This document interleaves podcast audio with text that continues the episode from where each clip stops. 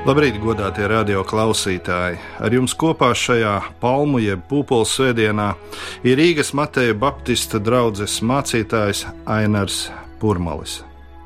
Ieklausīsimies svēto rakstu lasījumā no Caharijas grāmatas 9. nodaļas, 9. pants. Priecājieties no sirds, Ciānas meita, Gavilē, Jeruzālēmas meita!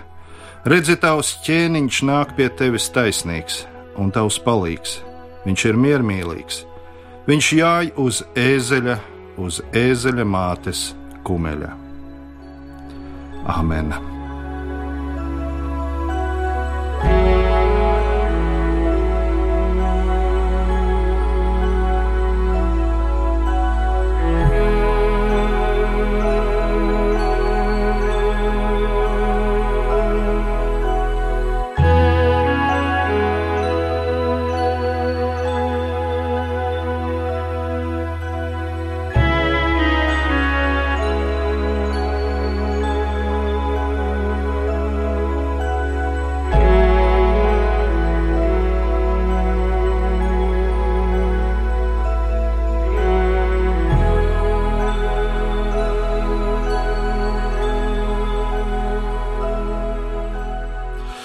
Sveceļnieku pūļa ielēgts, Jēzus tuvojas Jeruzalemē.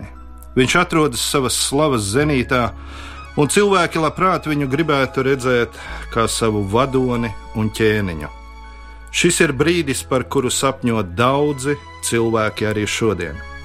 Liekas, daudzi sportisti, mūziķi, aktieri, politiķi un garīgie līderi dzīvo tikai tādēļ, vien, lai kaut reizi piedzīvotu to, ko piedzīvoja Jēzus vairākus tūkstošus gadus atpakaļ.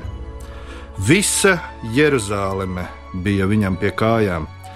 Jēzum bija visas iespējas, lai izmantotu šo situāciju un kara zirga mugurā, cilvēku pūļa priekšgalā ielaustos pilsētā un pārņemtu gan politisko, gan garīgo varu savās rokās. Laiku pa laikam pasaules vēsturē reliģiskie līderi tā arī ir rīkojušies.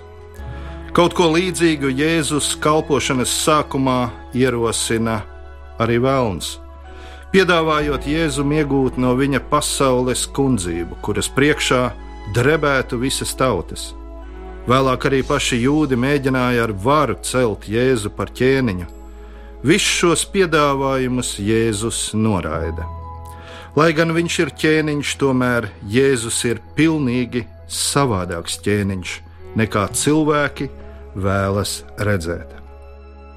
Jēzus sūtība šajā pasaulē ir izpildīt Dieva tēva uzdevumu un piepildīt pravietojumus, kas ierakstīti svētajos rakstos, nevis izpatikt cilvēkiem.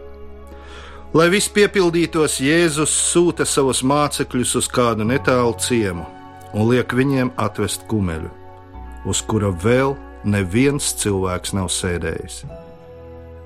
Matejs šajā notikuma virpulī saredz senā pravieša Caharijas sacītā piepildīšanos. Mateja evanģēlijā 21. nodaļā no 4. līdz 5. pantam varam lasīt. Viss tas notika, lai piepildītos pravieša sludinātais vārds Sakiet, Ciānas meitai, redzi, tavs ķēniņš nāk pie tevis lēnprātīgs, jādams uz ēzeļa un nastu nesējis ēzeļa mātes kumeļa. Garā acīm pravietis Caharija redz, ka šis dieva ķēniņš, kurš ienāks Jeruzālēmē, būs atšķirīgs no visiem citiem ķēniņiem. Viņš nenāks kara zirgā sēžot, viņš nenāks ar laicīgās vai reliģiskās varas palīdzību, jo viņa valstība nebūs no šīs pasaules. Šis miera ķēniņš nāks kā kalps. Nu jau daudzus gadsimtus kristiešu baznīcās katru gadu Palmu svētdienā tiek sludināts par šo savādo dieva ķēniņu, Jēzu Kristu. Atšķirībā no šīs pasaules ķēniņiem, viņa kronis gan nebūs izliets no zelta un rotāts ar dārgakmeņiem, bet būs pīts no ērkšķiem Viņa tronis nebūs no ziloņa kaula, bet no vienkārša koka darināts krusts. Tomēr pašā Notikuma laikā mācekļi to vēl nesaprot. Viņi ir aizņemti ar pavisam citām domām. Viņi sapņo Jēzus vadībā kļūt par jūdu valdniekiem. Tālāk evanģēlists stāsta, ka mācekļi no savām drēbēm pagatavos seglus un palīdz Jēzum tajos apsēsties. Viņi ir sajūsmas pilni, pārliecināti, ka Mesija Jēzus pārņems varu Jeruzalemē, un katrs jau iztēlē redz sevi sēžam blakus valdnieku krēslos.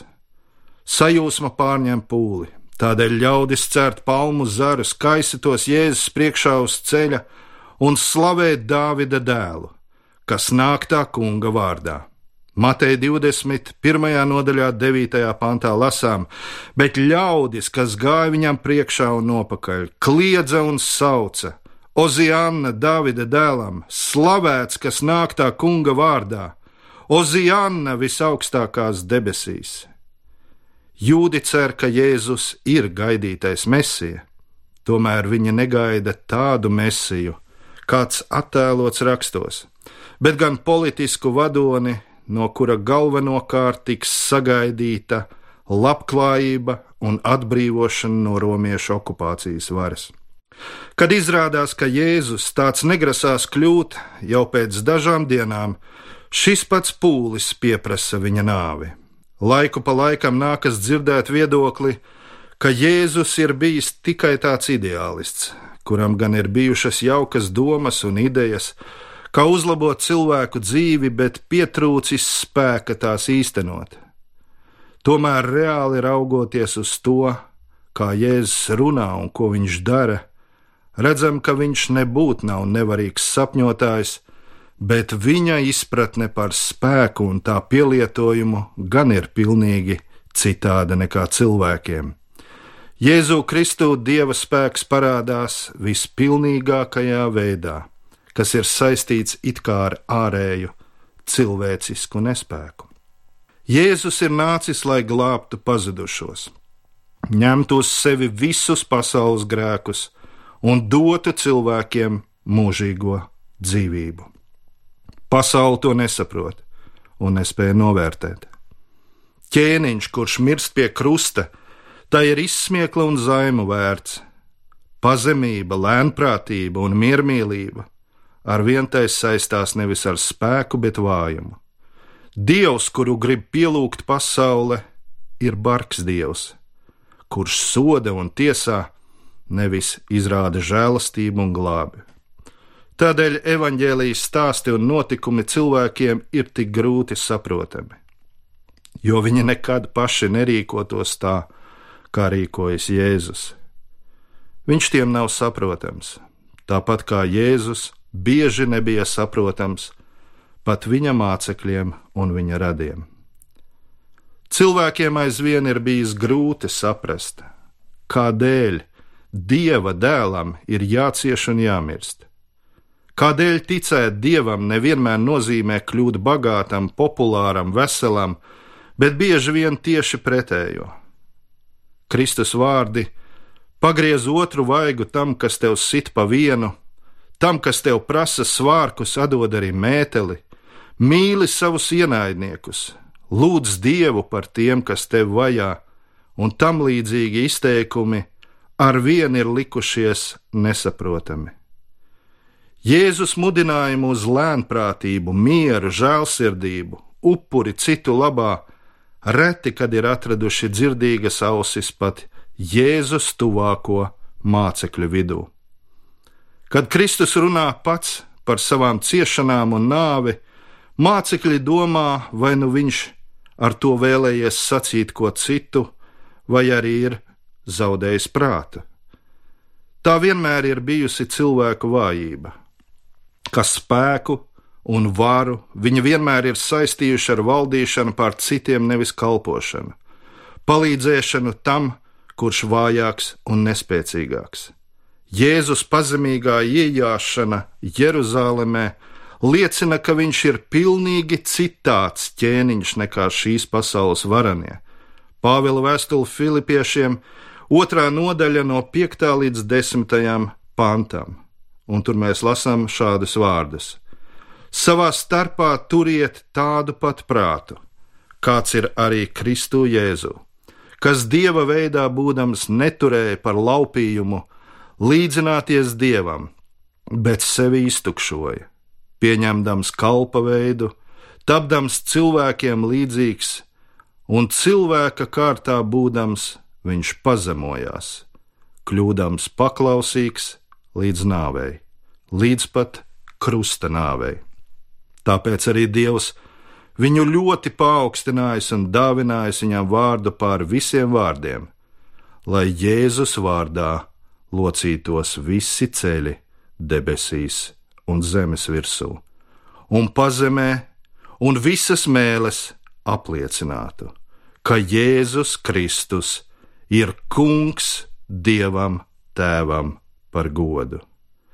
Šodien mums visiem der padomāt, Kādu ķēniņu gaidām mēs? Ķēniņu, kas izdarīs apvērsumu mūsu tautā, vai nesīs mieru? Ķēniņu, kurš mainīs politisko varu valstī, mazinās sociālo nevienlīdzību vai izmainīs mūsu sirdis? Vai mēs esam gatavi uzņemt savu ķēniņu Jēzu Kristu, kas nāk kā kalps, lai kalpotu tev un man? un mainītu mūs no iekšienes. Mums ir jābūt gataviem, ka Jēzus ieskatās mūsu sirdī, visdziļākajā kaktā, un ierauga mūsu visapslēptākās vietas. Vai priecāsimies slavēt un pielūgt tādu ķēniņu, jeb tādu ķēniņu sitīsim krustā. Jūdiem tāds ķēniņš nebija pieņemams. Kā ir ar mums? Ar šīm domām sagatavosim savas sirdis lieldienu notikumiem.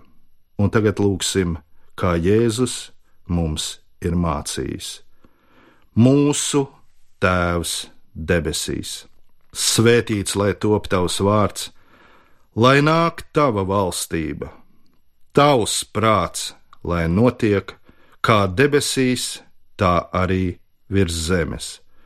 Mūsu dienascho maizi dodi mums šodien, un piedodi mums mūsu parādus, kā arī mēs piedodam saviem parādniekiem, un neieved mūsu kārdināšanā, bet atpestī mūs no ļauna, jo tev pieder valstība, spēks un gods mūžīgi mūžos. Āmen! Svētrītā kopā ar jums bija Rīgas Mateja Baptistu draugs mācītājs Ainārs Pūrmalis.